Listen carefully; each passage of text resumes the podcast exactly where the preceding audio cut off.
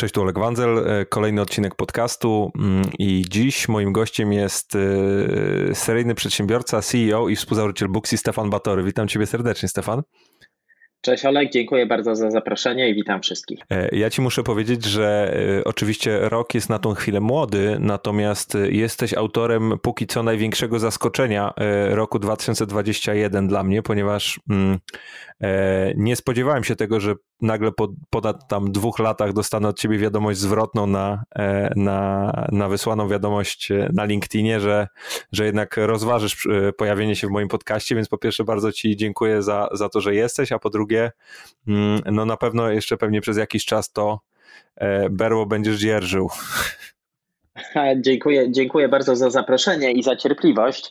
Gdzieś ja sobie w notatkach zapisałem, żeby się do ciebie odezwać, tylko nie było dobrego momentu. Już bym pewnie to zrobił w tamtym roku, gdyby nie COVID, lockdowny i te trudne chwile, przez które musieliśmy przejść, ale przyszedł dobry moment i, i udało nam się spotkać. No to się, to się bardzo cieszę, że tą przestrzeń masz, bo, mm, bo zdaję sobie też sprawę z tego, że mm, taki, tego typu rozmowy nie są może nie tyle co najlepszym pomysłem, ale trudno się je odbywa w momencie, kiedy się jest na, na polu bitwy. No a mam takie poczucie, że szczególnie jak sobie czytam jakieś, czy twoje wpisy, czy, czy wiadomości z frontu, no to e, oczywiście frontów w cudzysłowie, E, no to u, dużo się u Was działo i, i chciałem Ciebie zapytać, e, czego Cię nauczył ten ostatni rok? Jak, jak Ty patrzysz na te, na te ostatnie 12 miesięcy, czy tam lekko ponad 12 miesięcy?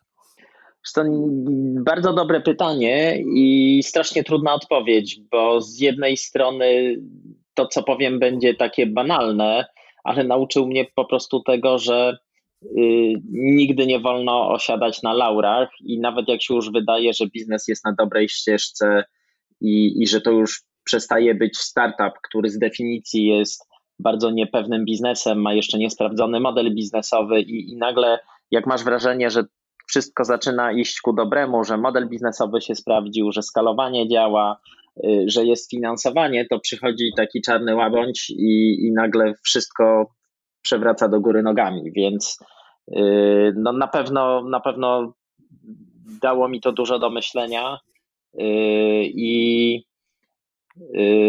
i pokazało mi, że chyba nigdy nie będę mógł mieć takiego poczucia pewności, że już na pewno wszystko się uda.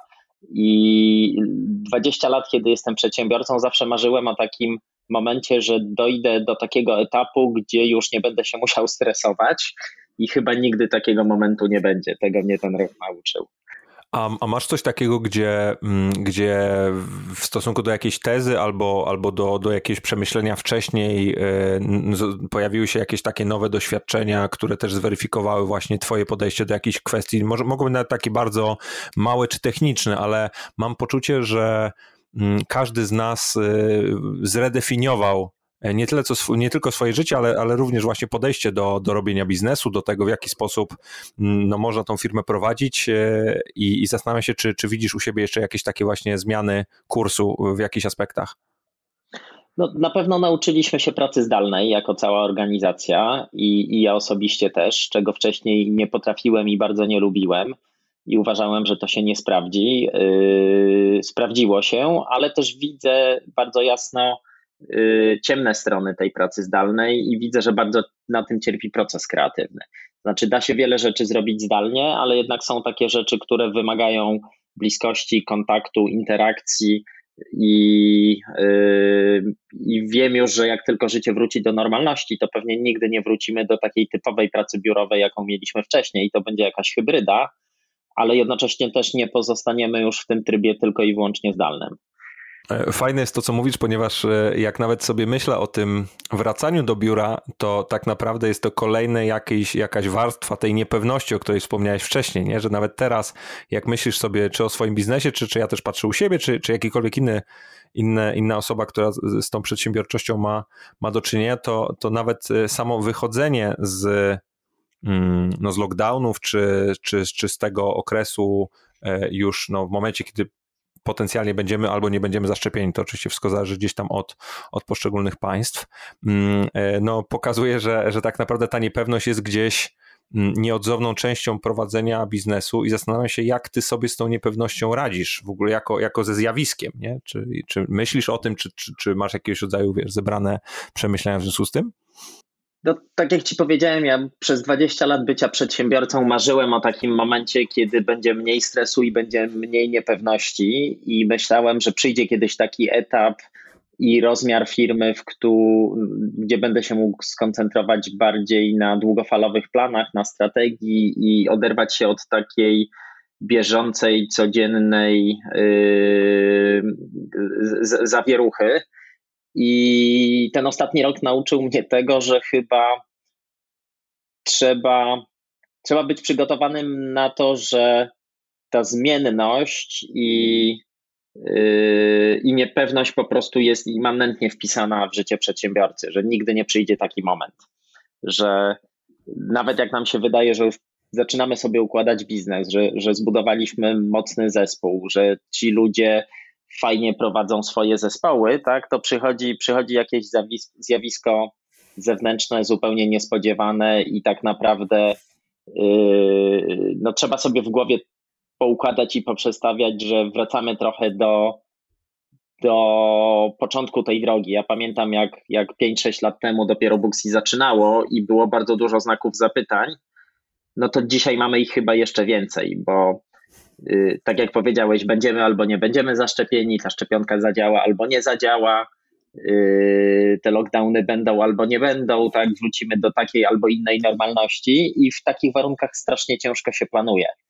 W takich warunkach strasznie ciężko jest podjąć decyzję. W naszym przypadku y, dział sprzedaży i taka sprzedaż bezpośrednia była istotnym elementem naszej strategii i naszych wzrostów i z jednej strony zamknęliśmy teraz rundę i chcielibyśmy zatrudniać ludzi i, i powiększać ten zespół i y, bardziej agresywnie y, wychodzić na niektóre rynki, ale tak naprawdę z drugiej strony nie wiemy, kiedy będzie ten dobry moment, nie wiemy, jak to zaplanować. A nawet jeśli lockdown się gdzieś kończy w jakimś kraju czy w jakimś regionie, to nie wiemy, czy za dwa albo trzy miesiące znowu tego lockdownu nie będzie. Nie wiemy, jak, jak nowy proces sprzedaży zbudować, żeby był bezpieczny dla, dla naszych pracowników, y, jak efektywni oni będą w tym procesie, więc mając już dużą firmę i, i ponad 500-osobowy zespół, ja się znowu czuję, jakbym y, zaczynał tą firmę zupełnie od początku w wielu aspektach. E, I, I, jak ci z tym poczuciem? Bo jestem w stanie sobie wyobrazić, że z jednej strony mm, może to być ekscytujące, a z drugiej strony na pewno też, e, jeżeli chciałeś sobie to jakoś inaczej poukładać, to też e, może się to wiązać z jakąś frustracją. Jestem bardzo ciekawy, co, co tobie w głowie gra teraz w związku właśnie z, tymi, z tym nagłym zwrotem. No na pewno jest w tym trochę frustracji. Nie, nie, nie wiem, czy radości. Radości też, tak, bo zawsze jakby tworzenie sprawiało mi dużą radość, tylko zupełnie inaczej tworzy się coś na samym początku, jak masz bardzo mały zespół, który jakby wie, że, że ta zmiana i, i budowanie wszystkiego od początku, odkrywanie wszystkiego od początku jest po prostu wpisane w charakter ich pracy, jest wpisane w to, co robimy, a zupełnie inaczej jest, jak już masz 500-osobową firmę, struktury, procesy i bardzo wiele osób, które oczekuje pewnej stabilności i przewidywalności, a jednocześnie no trzeba całą firmę i cały zespół przeprowadzić przez takie turbulentne czasy i, i z jednej strony musisz im dać poczucie bezpieczeństwa i tego, że wiesz, co robisz, ale z drugiej strony no nie możesz wiedzieć, co będziesz robił, bo nie wiesz, jak się świat zachowa i jak świat będzie wyglądał za kwartał, za pół roku czy za rok. Tak, my już mamy prawie rok pandemii za sobą, a cały czas nie wygląda to jakby się miało niedługo skończyć, tak? Jak gdzieś tam w głowie układam sobie, że jeszcze przez najbliższy rok, półtora, może nawet dwa lata będziemy mieli przynajmniej w niektórych regionach, na niektórych rynkach y, właśnie takie poczucie niepewności. E, wspomniałeś o tych 500 osobach. E, zastanawiam się nad jedną rzeczą, bo budowałeś Booksy mm, według pewnej swojej wizji, według swojej idei, według jakiegoś e, pewnie na tamte czasy szalonego pomysłu. E, jak e, ta organizacja, e, jak, przepraszam, jak, jak to, co zastałeś, jak ta organizacja, która dzisiaj ma te 500 osób, która przeszła te rzeczy, które przeszła, różni się od tego faktycznej, tej wizji, z którą zaczynałeś? Mówiąc krótko, z czym zaczynałeś, a, a co zastałeś i jak, jak to wpływa na twoje postrzeganie w ogóle tej firmy? No na pewno to jest organizacja, która jest jakąś wypadkową i ma DNA nie tylko moje i Konrada, którzy we dwóch zakładaliśmy Booksy, ale tych wszystkich osób, które do nas po drodze dołączyły. I teraz to DNA też po merge'u z Versum też nam się w jakiś sposób zmieni. I, I co do zasady to są dobre zmiany, bo yy, każda nowa osoba przynosi coś nowego do stołu, natomiast zawsze bardzo trudne jest podjęcie decyzji, w którym momencie yy, tych zmian jest za dużo, albo w którym momencie te zmiany nie pasują do całego, do całego obrazka, bo to jest trochę tak jak z puzzlami, tak? I nawet jeśli jeden z nich jest fajny i kolorowy, to nie oznacza, że będzie pasował do całej reszty układanki. I to jest chyba też taki trudny moment w, z jednej strony yy, w byciu otwartym na te zmiany i, i wręcz zachęcaniu i ludzi, i firmy, i, i, i całego środowiska i ściąganiu nowych osób po to, żeby ta firma ewoluowała i się zmieniała, ale pilnowaniu też tego, co jest takim absolutnym korem, tego, co jest najważniejsze i dzięki czemu odnieśliśmy sukces. Więc yy, na pewno jest kilka rzeczy, które nam przetrwały od samego początku. Jedną z nich jest to, jak myślimy o salonach, jak traktujemy te salony, w jaki sposób drive'ujemy roadmapę produktu. Y, ale wiele rzeczy y, musieliśmy poukładać, a przez to układanie też musieliśmy je zmieniać. Ciężko być, nie wiem, tak elastycznym i tak zwinnym y, pięć lat później, tak, jeśli zespół jest 100 razy większy. Więc no to jest na pewno inna firma, ale to jest cały czas jeszcze moja firma, to jest cały czas firma Konrada, ale ona się też po części stała firmą innych osób, tak? Czujemy się razem rodzicami czy współwłaścicielami tej firmy. I, I to jest taka ewolucja, przez którą przeszliśmy i jest mi z nią dobrze. Ale pamiętam, jak 3 czy 4 lata temu pierwszy raz się z tym mierzyliśmy, to to wcale nie było łatwe i, y, i były takie momenty, gdzie źle się z tym z Konradem obaj czuliśmy i ciężko nam czasem było zaakceptować to, że ktoś ma w jakimś konkretnym obszarze inną wizję niż my, ale z drugiej strony po to tych ludzi zatrudnialiśmy, żeby to zrobili lepiej niż my, bo my się też na wszystkim nie znaliśmy, więc mamy już chyba za sobą ten etap yy, akceptacji tych zmian i akceptacji inności i, i, i tego, że, że ludzie będą podejmowali inne decyzje i robili to inaczej niż my. I dzi dzisiaj jest tak, że ja mam jeden albo dwa tematy, którymi się zajmuję, które są dla mnie bardzo ważne. Oprócz takich tematów strategicznych czy relacji inwestorskich, to co, co kilka miesięcy, raz, dwa razy w roku po prostu stawiam na jakiś jeden temat. Tak? W tamtym roku to był fundraising i przetrwanie, przetrwanie yy, całego zamieszania i, i, problemów wynikających z pandemii i z lockdownów.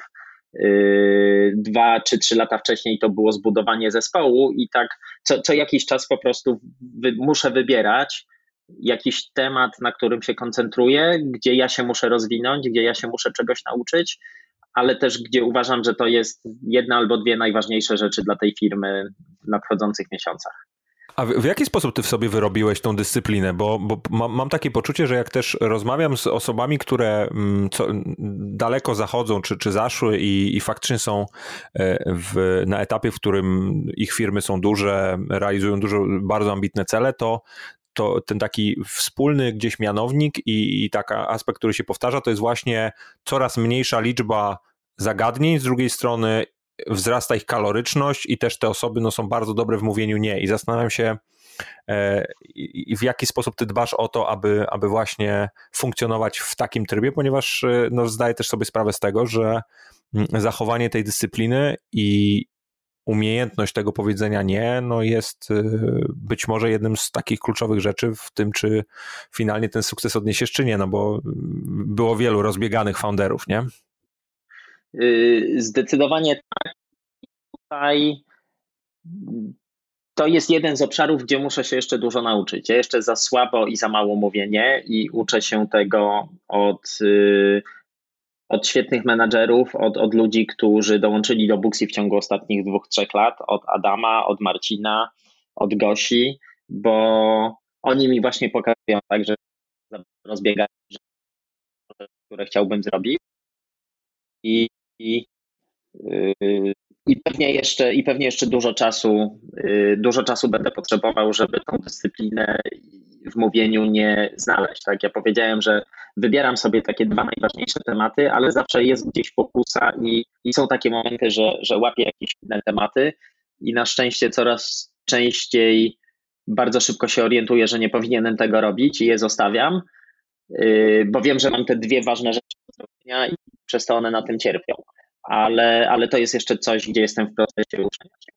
A, a masz jakieś takie narzędzia obok rozmów z menedżerami, z osobami bardziej doświadczonymi, które ci w tym procesie pomagają? Nie wiem, czy masz jeszcze jakieś takie, wiesz, e, wirtualne homonto, które na siebie zastawiasz, jakieś, jakieś e, procesy, mechanizmy, jakieś takie narzędzia, którymi mógłbyś się podzielić, e, które na ciebie działają?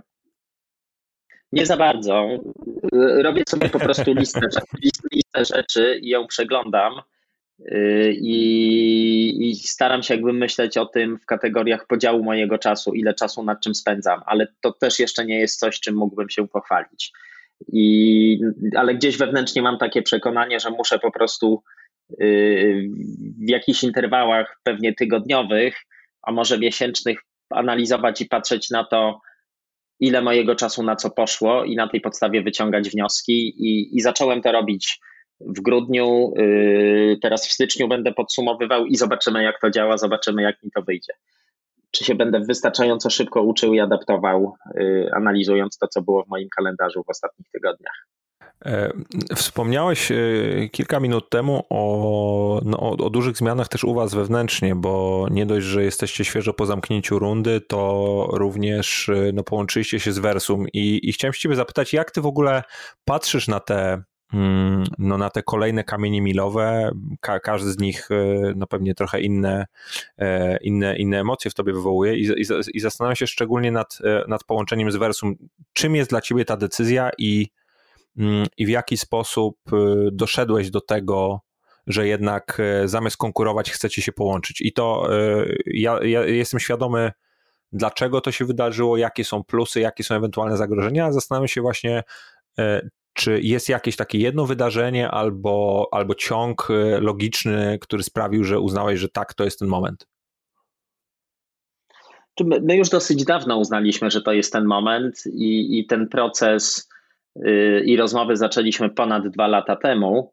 I szczerze mówiąc, to żałuję, że to się tak późno stało. Yy, to trochę wynikało Y, z odległości, która nas dzieliła, ze słabego kontaktu, trochę wynikało pewnie y, z ambicji, trochę też z tego, że nie wszyscy inwestorzy rozumieli zalety i synergię tego połączenia i, i gdyby pewnie szybciej je zrozumieli i szybciej ten proces zaczęli wspierać, to, to pewnie szybciej by do niego doszło ale ja się bardzo cieszę, że do tego w końcu doszło, bo uważam, że da nam, da nam to dużego kopa i pozwoli teraz yy, w, tym roku i, i w kolejnych latach yy, dużo więcej zrobić za granicą, bo w Polsce to była trochę taka bratobójcza, bratobójcza walka i i widzieliśmy to już od dawna, tak jak mówimy, już od ponad dwóch lat y, rozmawialiśmy z Sebastianem i, i, już wtedy pierwszy raz propozycję czy, czy taką wizję przedstawialiśmy. I wniosek był dla mnie, czy wniosek jest dla mnie taki, że powinniśmy teraz szybciej to robić. Jest jeszcze kilka rynków, na których y, może nie mamy tak silnych konkurentów, bo na przykład w Stanach czy Wielkiej Brytanii ten rynek jest dużo bardziej rozproszony niż w Polsce. W Polsce było po prostu dwie mocne firmy i, i to wszystko. Na, na tych pozostałych rynkach tych firm jest zazwyczaj więcej, ale będę chciał teraz kolejne takie transakcje, jeszcze jedną albo dwie w tym roku przeprowadzić, bo jesteśmy przekonani, że to był dobry ruch. Widzimy to też po y, akwizycji Dawito w 2018 roku. Jesteśmy przekonani, że rozwój na pozostałych rynkach. A to, co zawsze powtarzam yy, w każdej rozmowie, że w marketplace'ach to jest dynamika winner takes it all. I albo będziemy 10 razy więksi od kolejnego, drugiego czy trzeciego konkurenta na danym rynku, albo nie będziemy istnie, istnieli za kilka lat. I lepiej być numerem jeden na jednym rynku niż numerem dwa i trzy na 10 czy 20 innych rynkach. Więc koncentracja i, i fokus i takie dobre spenetrowanie y, każdego rynku jest w tej chwili na wagę złota, więc te doświadczenia i to, jak długo od pierwszego spotkania i od pierwszej rozmowy do sfinalizowania tej transakcji, jest dla mnie taką lekcją, że trzeba znaleźć sposób na robienie tego szybciej i sprawniej. Chociaż jak już dogadaliśmy się pod koniec lata czy na początku jesieni 2020, to później sama transakcja poszła bardzo sprawnie i, i tutaj potrafimy to zrobić szybko i, i, potrafimy szybko zamykać takie transakcje, natomiast dużo szybciej musimy doprowadzać do, y, do rozmów, do konkretnych propozycji i do podejmowania decyzji y, i, i znaleźć jakiś sposób, żeby pokazać te benefity y, tej drugiej stronie. A, a, a, powiedz, kto kogo bardziej przekonywał w tym, w tym tandemie? Bo w sumie to jest bardzo ciekawe, no bo e, jak sobie nawet poczytam jakieś wasze wypowiedzi e, jeszcze sprzed tego połączenia, e, no to obie strony były takie bardzo mocno okopane w tych swoich obozach i, i każdy był przekonany o nie dość odnośnie no, swojego prymu na, na rynku w Polsce i, i przekonania, że tego konkurenta jest w stanie pobić, więc zastanawiam się właśnie, kto tutaj kogo musiał bardziej przeciągać na swoją stronę? No, chyba my z jednego prostego powodu, bo budowaliśmy marketplace i nam dużo bardziej zależało na, yy, na wzmocnieniu pozycji naszego marketplace'u, bo to jest wtedy dużo większa wartość dla konsumentów, dużo większa wartość dla salonów, więc yy, my tu byliśmy chyba trochę bardziej aktywni, ale tak jak mówię, też popełniliśmy błędy w tym procesie. Mm, ale mówiąc błędy, masz na myśli mm, oprócz tego czasu, coś, coś jeszcze ci przychodzi do głowy? I wy, wybacz, że tak wypytuję, ale y, jest, daj sobie sprawę, że szczególnie w tych bardzo szybki, szybko wzrostowych startupach aspekt konkurowania i decydowania o tym, czy się łączyć, czy konkurować, czy, czy przejmować jest y, no, taką barierą, na którą wiele biznesów wpadnie w mniejszej albo większej skali i, i, i wierzę w to, że, no, że na pewno można z tego sporo wyciągnąć, bo prawda jest taka, mało kto, a na pewno mało kto w Polsce ma takie doświadczenie, jakie, jakie wy macie, nie? Wydaje mi się, że za mało było rozmów, tak? Że, y, że nawet jeśli po tym naszym pierwszym spotkaniu, jak z Sebastianem rozmawialiśmy, chyba w 2018 roku w Berlinie w listopadzie, tak, i się wtedy rozstaliśmy. Ja powinienem był wcześniej do Sebastiana wrócić. Y, I, I powinniśmy wcześniej pewne, powinniśmy wcześniej byli się odsłonić, powinniśmy wcześniej byli pewne dane pokazać. I to jest pewnie największy błąd z naszej strony, tak, że gdzieś tam bojąc się, że nie dojdzie do transakcji, żadna ze stron się nie chciała odtworzyć, otworzyć, ale dopiero otwarcie się pozwoliło tej drugiej stronie zobaczyć, jak to bardzo do siebie pasuje i jakie obie strony będą miały z tego korzyści. Więc y, to jest pewnie dla mnie naj, naj, największy, największa nauka, tak, największy wniosek, żeby być dużo szybciej otwartym, dużo szybciej transparentnym, co oczywiście wiąże się z pewnym ryzykiem, bo jak odsłaniasz miękkie podbrzusze, to może cię ktoś zranić, ale z drugiej strony chyba korzyści są większe od potencjalnych ryzyk. I, jak, jak tobie z tym takim stanem, kiedy właśnie się odsłaniasz? Bo zdaję sobie sprawę, że to jest ten taki moment, może nie powiem 50-50, ale, ale jednak dla, dla osoby, która przyzwyczajona jest do tego, że, że to środowisko biznesowe jest raczej takie, wiesz, cutting throat, jak to można powiedzieć, e, no to, no to, to faktycznie to ryzyko, e, nawet jeżeli jest mniejsze w rzeczywistości, to postrzegane ryzyko jest bardzo duże. I zastanawiam się, jak sobie ty z tym ryzykiem w tym konkretnym momencie, kiedy wysyłałeś dostęp do tych Exceli albo, albo przekazywałeś te informacje, jak się czułeś wtedy? No bo zdaję sobie sprawę, że to mogły dać reakcje fizyczne, nie? Wiesz co, ja się akurat z tym dobrze czułem, bo ja jestem z natury rzeczy ufny i tutaj trochę to był ten jeden z momentów, gdzie popełniłem błąd, słuchając rad pracowników, współpracowników, niektórych inwestorów, żebym był ostrożny, żebym tak bardzo nie odsłaniał wszystkich kart, bo może to być wykorzystane przeciwko nam. I to jest tak, że jak tego nikt nie wykorzysta, to masz poczucie, że nie, że nie ryzykowałeś, bo że to ryzyko było niewielkie, a jakby ktoś wykorzystał, to być może to ryzyko byłoby y, bardzo duże i, i straty byłyby bardzo duże. Y, więc ciężko z perspektywy czasu to oceniać, zwłaszcza jeśli wszystko poszło dobrze, bo nie wiem, jak wyglądałby alternatywny scenariusz. Jasne. Ale, ale w tej konkretnej sytuacji powinienem był posłuchać swojej intuicji, powinienem był wcześniej odsłonić karty, pokazać to miękkie podbrzusze i może wtedy, znając teraz Sebastiana lepiej, mam takie przekonanie, że wtedy też Sebastian yy, oddzięczyłby się tym, szybciej by zareagował i byśmy się pewnie szybciej dogadali. E, jak na przestrzeni czasu mm, kształtowały się Twoje relacje z inwestorami i jak ty, ty byś się dzisiaj ocenił, e, co, co, co według Ciebie jest najistotniejsze w zbudowaniu właśnie takiej zdrowej mm, relacji z, no, z osobami, które w jakimś stopniu dzielą, e, czy potencjalnie będą dzielić sukcesy i porażki, no jednak Twojej jakiejś tam inicjatywy, inwencji? W jaki, sposób, w jaki sposób zrobić to dobrze? Bo ja mam, mam takie poczucie, że szczególnie w Polsce panuje takie bardzo, może nie powiem, że zła prasa, ale jednak e, duże obawy przed tym i, i, i, taki fundamentalny brak zrozumienia. I zastanawiam się, jak to z Twojej perspektywy wygląda. Co, no, zaczyna się przede wszystkim od wyboru inwestora. To jest kluczowe, bo jak się wybierze kogoś, kto nie jest dobrze dopasowany do Twojego biznesu, kogoś, z kim nie masz chemii, to tak naprawdę później bardzo trudno jest tą relację już naprawić. I to jest coś, czego wielu founderów nie docenia i idzie za najlepszymi termsheetami, za najlepszymi ofertami, ale te miękkie rzeczy moim zdaniem mają dużo większe znaczenie niż warunki tylko i wyłącznie.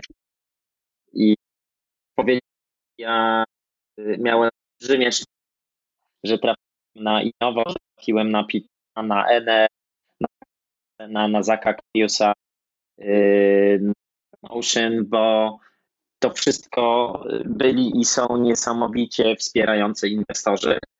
I każdemu bym życzył takich inwestorów. I tak jak mówię, najważniejszym etapem budowania tej relacji jest zrobienie dobrego researchu, jest zrobienie background checku, jest dobranie też inwestorów, którzy rozumieją Twój biznes. Ja na początku popełniałem taki błąd, że chodziłem po wszystkich funduszach VC w Polsce i oprócz Innowo, wszystkie fundusze, które 5 czy 6 lat temu istniały w Polsce, powiedziały na mnie.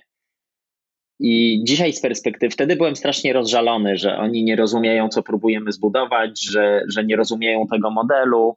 Yy, teraz już wiem, z czego to wynika. Po pierwsze, ja popełniłem błędy piczując, a po drugie, yy, chodziłem do funduszy, które nie miały doświadczenia yy, w marketplace'ach albo miały za małe doświadczenie i kiedyś w ramach anegdoty ktoś mi opowiedział, tak, że chodzisz do faceta, który, bo nie będę wymieniał nazwisk ani nazwy funduszu, tak, ale byłem kiedyś u, u człowieka, który miał fundusz inwestycyjny, w który zainwestował pieniądze, które zarobił prowadząc jakiś tam biznes B2B, tak? I mówiąc, on, on ten biznes robił środkowo-wschodniej, gdzieś tam w Rosji, w Kazachstanie i tam pił tymi prezydentami, premierami i ministrami, tak? I zbudował biznes, który był wyceniany na 100 milionów złotych, tak? A ja mu powiedziałem, że chcę zbudować biznes, na milion dolarów.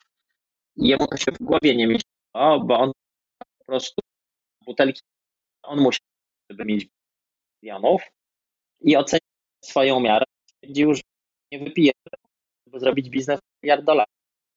I, i trochę jakby yy, stosując tą analogię, tak bardzo ważne jest, żeby chodzić do ludzi, którzy będą cię potrafili mierzyć twoją miarą, to znaczy albo będą na tyle otwarci, żeby widzieć, że się od nich różnisz i dadzą ci ten benefit zaufania, dadzą ci, uwierzą jakby w ciebie i w to, co robisz, albo chodzić do ludzi, którzy mają bardzo podobny model mentalny i, i podobne doświadczenia i, i zrobili coś, co ty chcesz zrobić, bo inaczej po prostu lądujesz trochę jak yy, takie małe trzyletnie dziecko, które próbuje wcisnąć yy, klocek, kwadratowy klocek w okrągłą dziurkę, tak? I się dziwi, że to nie pasuje. I w drugą stronę identycznie się zachowywali ci inwestorzy, którzy patrzyli na nasz deck, patrzyli na, na, na jakieś Excele, na nasz model i im wiecznie coś nie pasowało, bo oni to przymierzali znowu my im dawaliśmy kółko, oni próbowali to włożyć w kwadratową dziurkę, tak, bo że chcemy jakiś biznes zbudować, a oni mieli doświadczenie albo z e-commerce'u, albo z hardware'u, albo z czymś tam innym i, i wiecznie im coś nie pasowało. I teraz z perspektywy czasu widzę, jak kluczowe jest wybranie dobrych inwestorów, jak kluczowe jest zrobienie researchu i pójście zamiast do 100, pójście do 10, z którymi będzie o czym porozmawiać i z tych 10 y, pewnie dwóch czy trzech da term sheet i wybranie wtedy tego najlepszego, który, y, który ma największe szanse Cię wspierać, nie tylko finansowo, ale właśnie merytorycznie, emocjonalnie, czego się bardzo często nie docenia, bo inwestorzy powinni wspierać emocjonalnie, powinni Ci dać poczucie yy, samostanowienia, tak? Powinni Ci dać poczucie sprawczości, a wielu z nich to odbiera. Wielu z nich przychodzi i mówi founderom, jak to mają robić. To jest najgorsza rzecz, którą może inwestor zrobić. A, a obok tych cech, które już wymieniłeś, czyli właśnie no tego mm, odpowiedniego, mm, odpowiedniego doboru oraz, e, oraz e, no tej relacji emocjonalnej, to jakie, jakie byś wskazał jeszcze cechy dobrego inwestora? Bo ja mam poczucie, że, że to jest taki, taki, takie zagadnienie, które wywołuje i sporo kontrowersji, i sporo niezrozumienia, bo, bo każdy oczywiście chce być traktowany w kategoriach dobrego funduszu, natomiast bardzo często nie ma czegoś takiego jak uniwersalnie dobry fundusz, co będą jakby fundusze różne dla, dla poszczególnych biznesów, tak jak zresztą powiedziałeś. Zastanawiam się, na co jeszcze mm, founderzy mogą i powinni zwracać uwagę z Twojej perspektywy.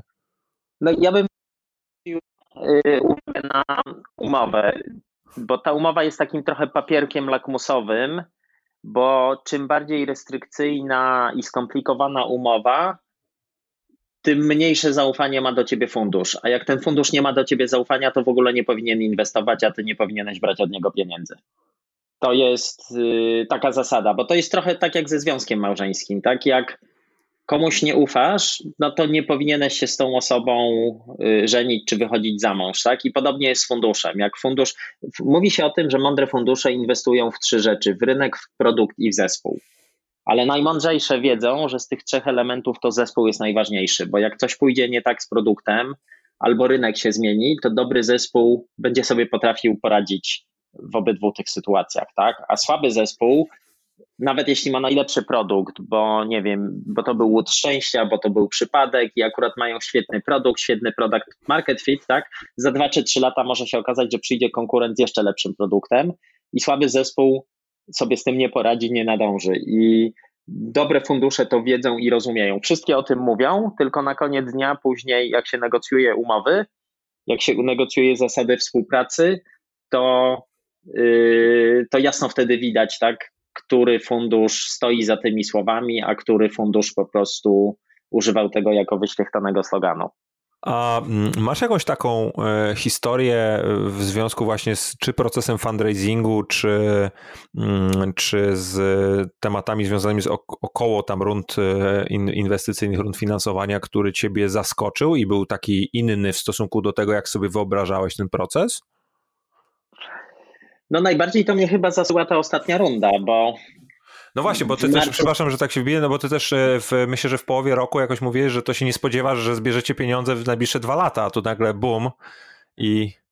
Dokładnie tak. I tu nagle boom i my najpierw w lipcu dostaliśmy pierwszy term sheet taki werbalny. I już wtedy w lipcu myśleliśmy, że zamkniemy rundę, ale później z różnych powodów jakby nie zdecydowaliśmy się na, na wybranie tego inwestora i jakby nie poszliśmy dalej w procesie.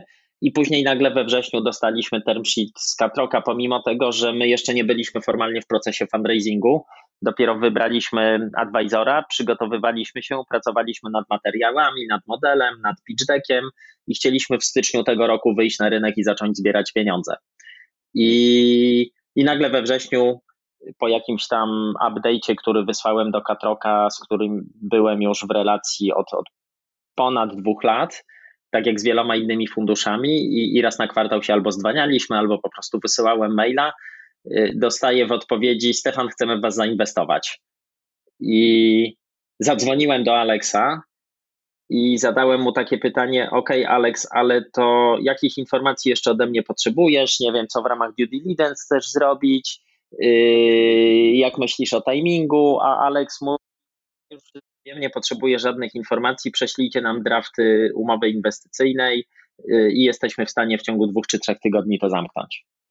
I to było coś, co mnie bardzo zaskoczyło, bo wszystkie poprzednie rundy to była krwawica. To trwało dużo dłużej niż zakładałem i domykaliśmy je dosłownie kolanem, do, do, do, dopinaliśmy to w ostatniej chwili. Michał Rokosz kilka dni temu opublikował y, taki krótki tekst y, oczami inwestora, ale też naszego CEO przez dwa lata, bo, bo w pewnym momencie do nas dołączył i opisywał tam też taki jeden moment, kiedy dosłownie byliśmy też o włos od bankructwa, bo mieliśmy pieniądze na dwa miesiące.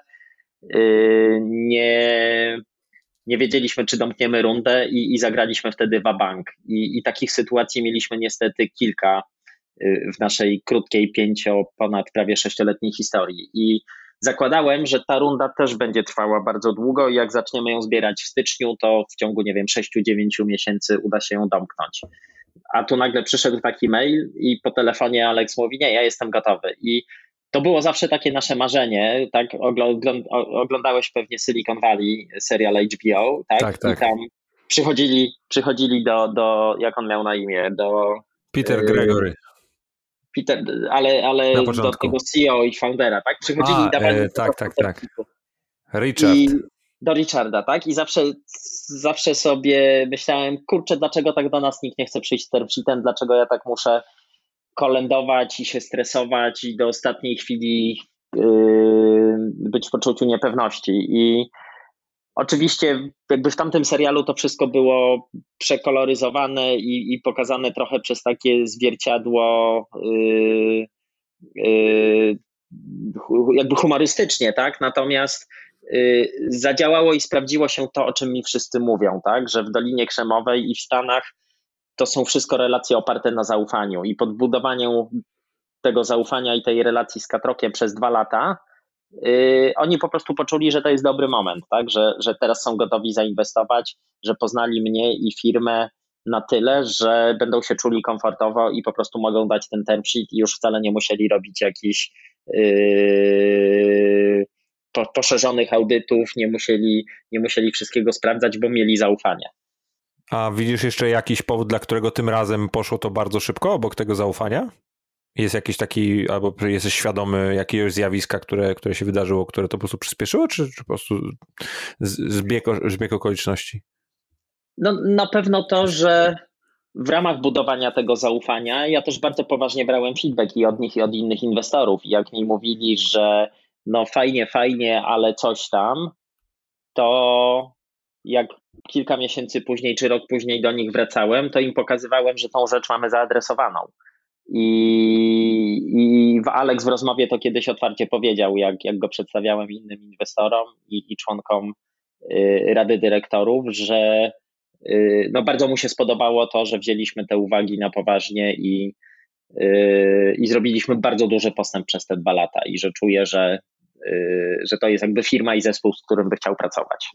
E, a jak to mówisz, to e, wpadła mi do głowy jedna myśl, zastanawiam się w sumie nad tym, bo mm, to, że wy działaliście w zgodzie z tym feedbackiem nie jest wcale takie oczywiste i zastanawiam się, czy to jest u ciebie naturalne, że ty potrafisz przyjąć e, opinię drugiej strony i w jakimś stopniu analitycznie przemyśleć i wdrożyć, czy też się tego uczyłeś w, w ciągu tych ostatnich 5-6 lat?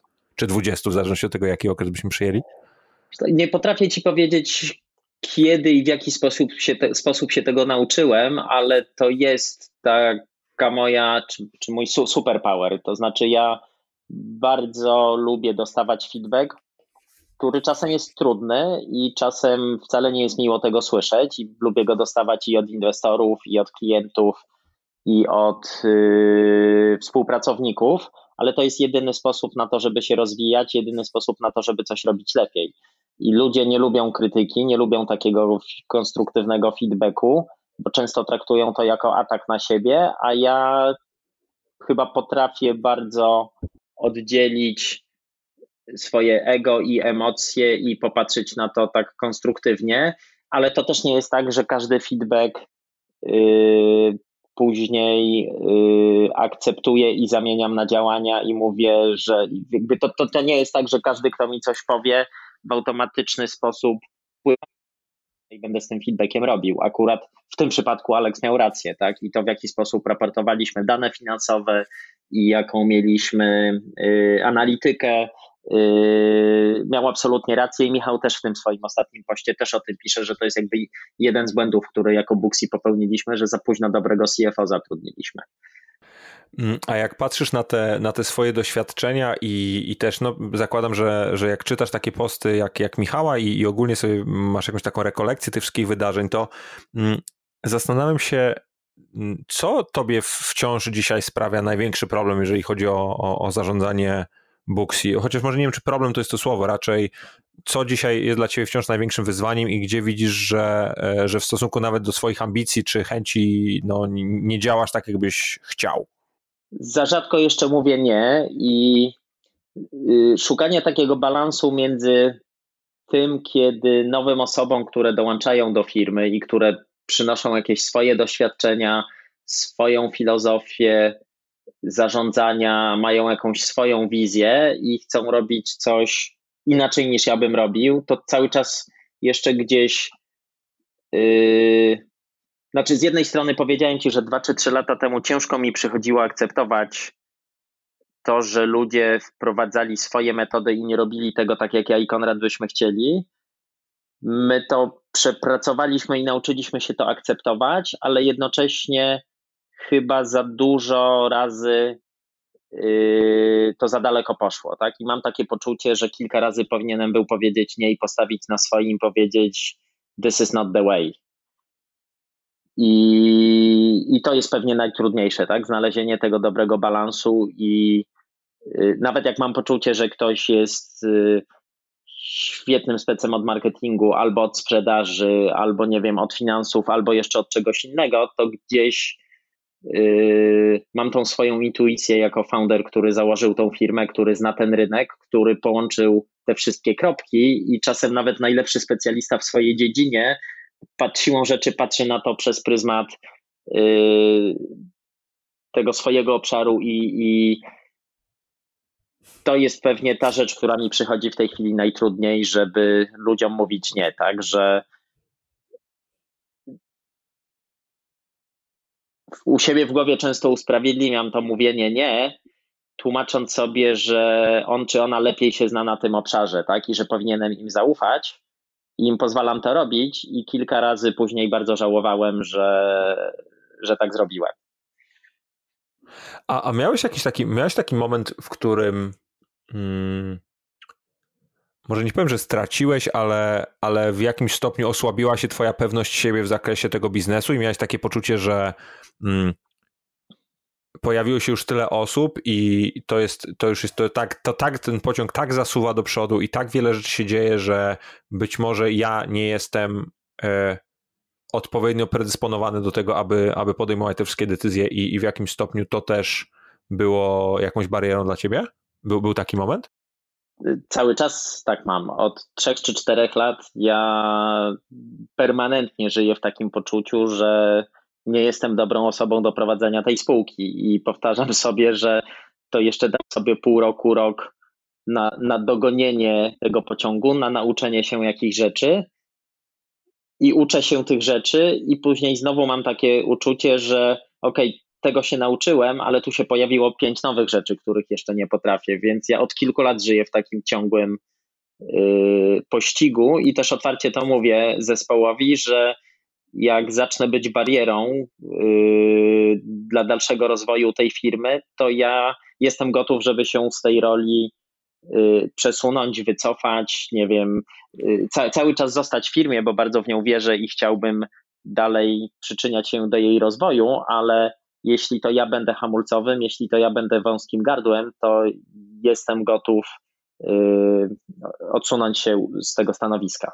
E, I, I, jak ty się czujesz z tą obawą? No bo zdaję sobie sprawę, że to może wywoływać mieszane emocje. Y, u mnie czy u ludzi? Nie, znaczy zarówno u, u, ciebie, jak i u ludzi, ale teraz akurat y, bardzo mnie interesuje to, co w tobie to, to wywołuje, bo, bo zakładam, że wiesz, jednak każdy jest inny i, i każdy na, taką, na taki komunikat może zareagować inaczej, nie? bo to też e, e, pracownicy czy, czy członkowie zespołu, menedżerowie, no też budują swoje jakieś poczucie przynależności częściowo też w oparciu o ciebie, nie? I taki komunikat może być od, od, od, odparty, w sensie od, y, odebrany różnorako, ale, ale jestem ciekawy, jak, jak ty to odbierasz jako Stefan, jako no, osoba, która z jednej strony jest potwornie ambitna i to zbudowała, z drugiej strony czasami ma poczucie, że jej się wymykają tematy z, z rąk. teraz to już nawet o tym nie myślę. To znaczy, ja taką decyzję podjąłem i, i w ten sposób jakby patrzę na to i cały czas y, reewaluuję, czy, czy to jest ten moment, czy jeszcze sobie daję radę.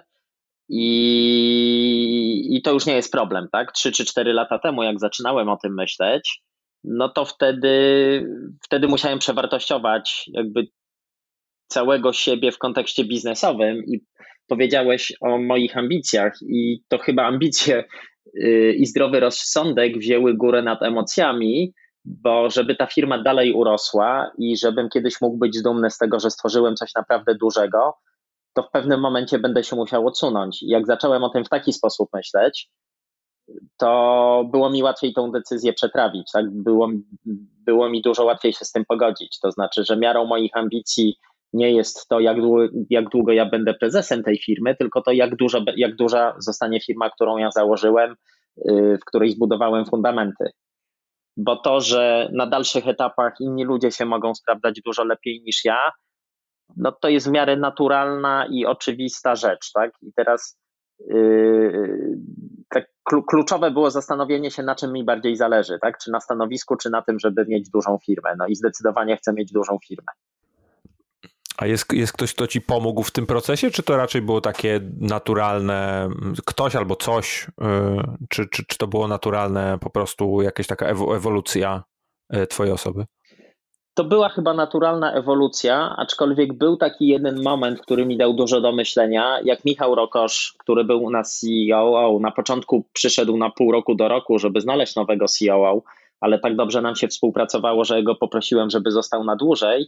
I po dwóch latach Michał przyszedł do mnie i powiedział: Stefan, ja nie czuję, że ja już wniosę wartość do tej firmy. Ja nie czuję, że dzięki mnie ta firma pójdzie dalej. Musisz po prostu poszukać kogoś lepszego ode mnie. I, i w tym sensie Michał nie mówił mi nic o mnie i nie, jakby nie, to nie była rozmowa o mnie, tylko o nim, ale pokazała mi, jakby był takim dobrym wzorcem i przykładem i, i dużą inspiracją. No to ciekawe bardzo, bo mm, ja, ja akurat y, Michała znam na innej stopie, kompletnie na tej operacyjnej, ale, ale właśnie już którąś taką historię słyszę, więc też go będę musiał przy okazji o to zapytać, bo, bo to jednak y, po taki poziom samoświadomości nie, mm, nie jest wcale taką oczywistą rzeczą. A powiedz, y, bo jak, jak się dowiedziałem o, o waszej fuzji, połączeniu z Versum, mm, to zdałem sobie sprawę, że z jednej strony daje to wam bardzo wiele szans i, i okazji e, i, i synergii różnego rodzaju innych, innych możliwości na, na rynku, ale z drugiej strony też e, no nagle z perspektywy na pewno zespołu w Polsce straciliście pewnego rodzaju punkt odniesienia, straciliście tego godnego rywala i zastanawiam się, czy dzisiaj jest jakiś taki punkt odniesienia dla ciebie, jest jakiś taki podmiot, na który patrzysz sobie myślisz, mm, chcę z nimi konkurować i to, że my funkcjonujemy na tym rynku sprawia, że rynek jest lepszy i te usługi, które świadczymy są, są finalnie dla użytkowników czy dla mm, no, waszych partnerów lepsze? Jest, jest taki podmiot? O, jest wiele takich podmiotów. No my mieliśmy w Polsce takiego jednego godnego rywala, natomiast na całym świecie mamy ich co najmniej y, tuzin albo dwa, tak? Bo tutaj w Stanach konkurujemy z Vagaro, ze StyleSeatem, z MindBody, z Zenoti, w Wielkiej Brytanii z Forestem, z Treatwellem, y, w Hiszpanii z Ualą i Treatwellem, więc jakby takich konkurentów mamy na każdym rynku co najmniej kilku czy kilkunastu, a w Stanach Zjednoczonych nawet kilkudziesięciu. Więc y, no to, że w Polsce się połączyliśmy, nie zmieniło pewnego większego obrazka i, i to jest nadal bardzo konkurencyjny rynek i myślę, że mamy się i wobec kogo benchmarkować i z kim ścigać i takich godnych przeciwników jeszcze, jeszcze jest wielu. A uważa, że będzie jakby postępować ten proces konsolidacyjny i, i, i, dojdzie do, do, tak jak powiedziałeś, tego, że faktycznie będzie dwóch, trzech, czterech graczy, którzy w jakimś stopniu pomiędzy siebie ten rynek podzielą? Globalnie? Czy, Jestem... czy, jednak, czy jednak będą ci silni lokalni gracze? Jestem przekonany, że będzie nas postępował proces konsolidacji, bo strasznie ciężko jest zrobić bardzo dobry produkt małym zespołem i strasznie ciężko się ścigać z tymi największymi graczami. I ci mali gracze, widzimy to, bo rozmawiamy z wieloma z nich, wytracają impact.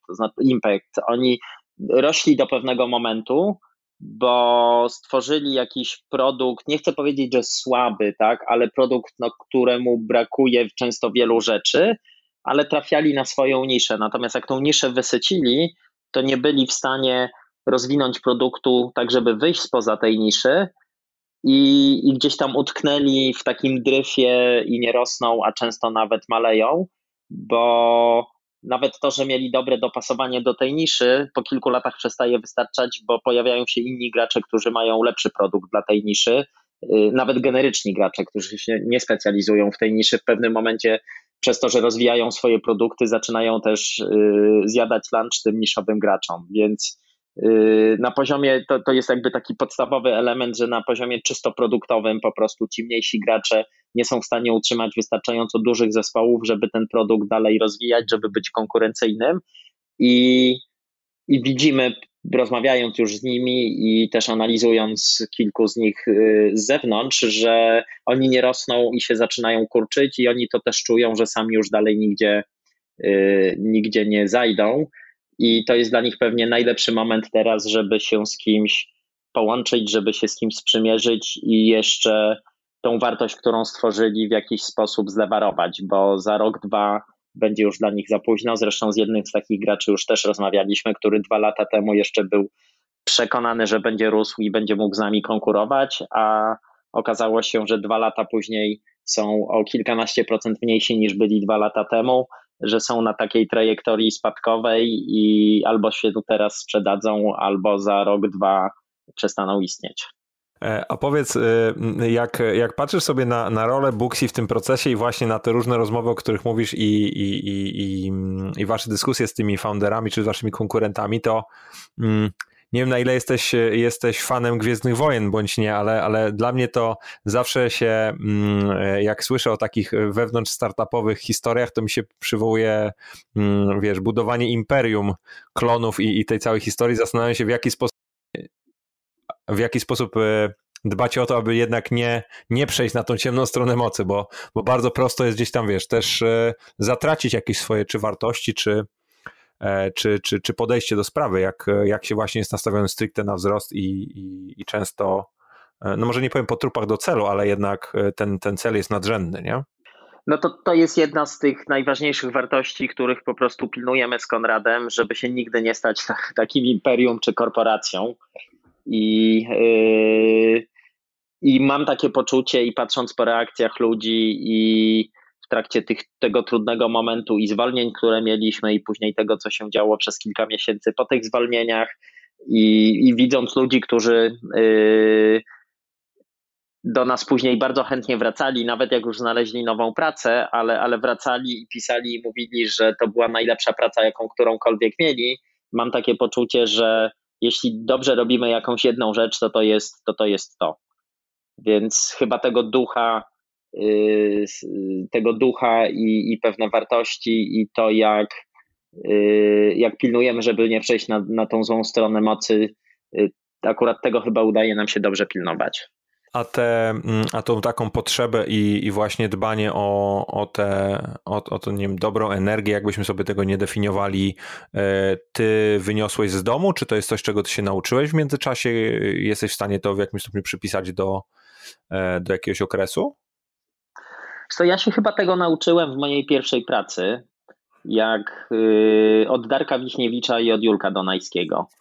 Y, I to chyba, to chyba stamtąd y, najbardziej, nie wiem, wyniosłem, czy gdzieś jakby oni we mnie zaszczepili takie myślenie. I później w mojej drugiej pracy z kolei zobaczyłem przeciwną stronę, która jakby utwierdziła mnie w przekonaniu, że to, co Julek i Darek y, w ATM-ie, a później Atomie, a później Internet Partners po połączeniu z Internet Technologies robili, że, że to jest jakby taki styl, że ja tak, chciałbym być takim szefem jak oni i, i chciałbym mieć taką atmosferę w zespole, jak będę kiedyś prowadził firmę, jaką mają oni, więc jeśli miałbym to gdzieś do jednej czy dwóch osób i, i jednego momentu przypiąć pineską, to właśnie tam.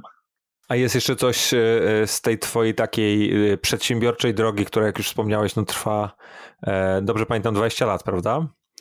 21 e, to, lat już. Tak. A, no to widzisz, 21. No to, e, to masz jeszcze właśnie jakieś takie wnioski albo, albo przemyślenia, które, które na te okrągłe dwie dekady e, żeś sobie zebrał albo, albo gdzieś ci do głowy przychodzą? nie, nie robiłem nigdy takiej analizy, nie spisywałem, nie podsumowywałem tego, więc jak mnie pytasz o jakieś konkretne rzeczy, to, to pewnie będę miał na to jakieś odpowiedzi i przemyślenia, ale nie robiłem takiego rachunku sumienia i, i nie mam teraz takiej listy. To jakby kiedyś powstała, to ja się chętnie zapisuję. Nie wiem, czy, czy będziesz ją gdzieś dystrybuował, natomiast, natomiast na pewno, bo, bo zdaję sobie też sprawę, że, że jednak mówimy tutaj o. E, no w twoim przypadku jest, jest to po prostu ścieżka, którą ty wybrałeś. Ty nie jesteś, wiesz, przekonwertowanym menedżerem, tylko od zawsze tak naprawdę szukałeś jakiejś tej swojej drogi, nie? Ja tą drogę tak naprawdę zacząłem jeszcze gdzieś, jak byłem młodym nastolatkiem. Młodym mam na myśli 11-12 lat, a nie już później 15-17. Zresztą był taki moment w moim życiu, że mając już właśnie bardziej 16, 17, 18 lat, myślałem o karierze naukowej czy korporacyjnej. Y, I, i, I to mi zaczęło imponować, jak patrzyłem na to, jak się Warszawa zmieniła, zmieniała pod koniec lat 90., jak ja też zacząłem swoją pierwszą pracę, ale ten zew krwi był silny i, i, i, na początku 2000 roku, w styczniu dokładnie w 2000 założyłem swoją pierwszą firmę. Natomiast yy, właśnie mając te 11, 12, 13 lat, yy, ja nie wiem skąd, ale wtedy miałem taką silną, takie silne przekonanie i, i, i taką ciągotę, żeby, żeby być przedsiębiorcą, albo może inaczej, nawet nie chodziło o to, żeby być przedsiębiorcą, tylko wszystko, o czym myślałem i wszystkie pomysły, jakie w życiu miałem, sprowadzały się do tego, że, że to były jakiegoś rodzaju pomysły na przedsiębiorczość, na biznes. Kiedyś kolega z podstawówki zaraził mnie y, akwarystyką i kupiłem najpierw pierwsze akwarium i ileś rybek, i później drugie, i trzecie, i chyba pięć czy sześć akwariów miałem w swoim pokoju. I gdzieś tam z tej pasji do akwarystyki bardzo szybko zrodził się pomysł na biznes w głowie takiego właśnie dwunastoletniego chłopaka, bo, yy, bo to były jeszcze lata 80. i bardzo ciężko w Polsce, jakby było mało sklepów zoologicznych, yy, te ryby były drogie, ciężko je było kupić. Ja sobie wtedy pomyślałem, że to ja zacznę je tutaj rozmnażać i będę je sprzedawał i w ten sposób będę policzyłem sobie, że będę więcej zarabiał niż moi rodzice, którzy jakiś tam biznes wtedy prowadzili.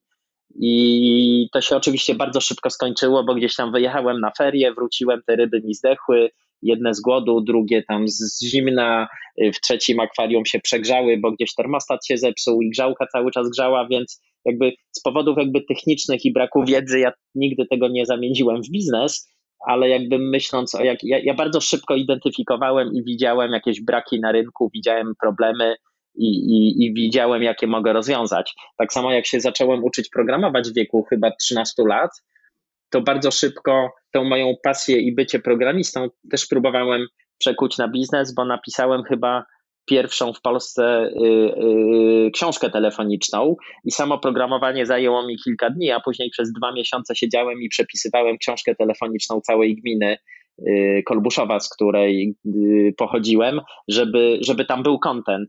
Czy jak później, nie wiem, napisałem jakiś program do nauki angielskiego, takie fiszki, gdzie tam wyświetlały się obrazki i, i, i nagrywałem przez kolega mi zrobił taką kartę dźwiękową, to nawet nie była karta dźwiękowa, tylko przetwornik cyfrowo-analogowy, przepraszam, analogowo-cyfrowy do nagrywania Covox, bo gdzieś tam schemat w jakimś młodym techniku znaleźliśmy, ja nie potrafiłem lutować, on to zlutował, razem to w assemblerze oprogramowaliśmy i, i później program do nauki angielskiego zrobiłem i to był chyba pierwszy w Polsce program do nauki angielskiego, tylko że ja wtedy mieszkałem w małym miasteczku na Podkarpaciu, nie miałem w ogóle dostępu do ludzi, którzy by mi pomogli w dystrybucji i sprzedaży, więc ten pomysł też jakby nie wypalił, więc miałem masę takich pomysłów, gdzie widziałem, jak można byłoby coś zrobić lepiej, jak można byłoby rozwiązać jakiś problem, czy go zaadresować, tylko poległem zawsze na tej stronie operacyjnej, egzekucyjnej, na, na dystrybucji, na sprzedaży, czy na, na, na dopilnowaniu, żeby mi te ryby przeżyły, ale, ale miałem właśnie taki burzliwy epizod przez 4 czy 5 lat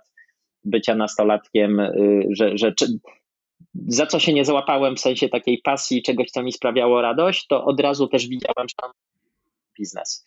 Ale po iluś tam latach tych porażek rodzina mnie trochę przekonała do tego, że ja może nie powinienem myśleć o biznesie, bo jestem taki trochę rozstrzepany i wariat i może jednak powinienem zostać jakimś naukowcem, inżynierem, pomyśleć o takiej bardziej poukładanej karierze i później yy, w tym kierunku już pod koniec liceum i, i, i na studiach myślałem. ale jak tylko poszedłem do pierwszej pracy i do drugiej i zobaczyłem, jak się do, dobrze firmę prowadzi, jak się źle firmę prowadzi, to gdzieś tam po, po, po trzeciej pracy w 99 roku postanowiłem założyć firmę i, i wrócić na tą ścieżkę przedsiębiorczości. To też taki moment, nie? w którym e, zakładanie firmy no, wcale nie musiało być najprostszym, najprostszą historią, nie? No bo to było albo, albo chwilę, chwilę przed pęknięciem mhm. bańki, prawda? Y, dokładnie tak, dokładnie tak. Założyliśmy firmę, myśleliśmy, że bardzo szybko zostaniemy milionerami. Pękła bańka chyba w marcu czy w kwietniu i, i firma nam się rozsypała. Trzech kolegów, którzy mieli prowadzić biznes, y, poszli do, do pracy w korporacjach, w bankach, do Microsoftu i, i nas pięciu programistów zostało samych. I, i w ten sposób zupełnie przypadkowo zostałem y, CEO i zająłem się biznesem o czym nie miałem zielonego pojęcia. Pomyliłem VAT, CIT, PIT, y, nie wiedziałem co to jest ZUS i, i przez dwa lata naprawdę y, teraz się śmieję z tego, ale wtedy nie było mi do śmiechu. Popełniłem tyle błędów i, i, i żyłem w takim stresie i, i naprawdę jadłem ziemniaki, o czym już wiele razy mówiłem, że tak, teraz, tak. teraz patrzę po prostu na to wszystko yy, z rozrzewnieniem, trochę, trochę żałuję, że te czasy się skończyły, bo to też miało swój urok trochę się cieszę, że już mam to za sobą, y, ale naprawdę ja wtedy nie miałem pojęcia o prowadzeniu biznesu. A, a powiedz, y, jak, jak sobie myślisz właśnie też z perspektywy tamtych czasów i tego, y, co przed tobą stoi, co, co jest takie dla ciebie najbardziej ekscytujące? Co sprawia, że, że przysłowiowo wstajesz z łóżka? Co ja chyba lubię widzieć, że to, co wymyśliłem, gdzieś się realnie przykłada, przekłada na, yy, na to, jak się zmienia życie ludzi. Yy, w tej chwili z Booksy i Versum z w ramach połączonej firmy i tych obu rozwiązań, które mamy, korzysta z nas 13 milionów konsumentów, ale też mamy prawie ćwierć miliona fryzjerów, barberów, stylistów, fizjoterapeutów, którzy pracują na naszych aplikacjach, na naszych systemach. I to jest ćwierć miliona ludzi, których praca, których życie w dużym stopniu zależy od tego, co my robimy. I, i, i to jest chyba to, co mnie nakręca, tak? że, że to, co robimy, zaczyna mieć jakiś taki realny, namacalny wpływ na, na czyjeś życie, że komuś możemy pomóc. Ja nie, nie ma praktycznie dnia czy tygodnia, żebym nie dostawał podziękowania od naszych użytkowników, zwłaszcza od tych profesjonalnych, nie od konsumentów, piszących i mówiących, jak bardzo się ich życie zmieniło, że uratowaliśmy im małżeństwo, bo nagle yy, pisał do mnie kiedyś mąż, którego żona była fryzjerką, że wcześniej nigdy nie chodzili do kina, na randki, na kolację, bo żona zawsze była na stand-by'u, nosiła ze sobą komórkę, bo o dowolnej porze dnia i nocy i w weekend, piątek, świątek do niej klienci dzwonili albo pisali SMS-y i ona miała fear of missing out i się bała, że straci klienta, jak nie odbierze telefonu. A teraz dzięki Booksy nagle ma spokojną głowę i, i, i ich życie małżeńskie i, i, ich relacja nagle y, zaczęła wracać na, na te dobre tory i jest fajnie, tak?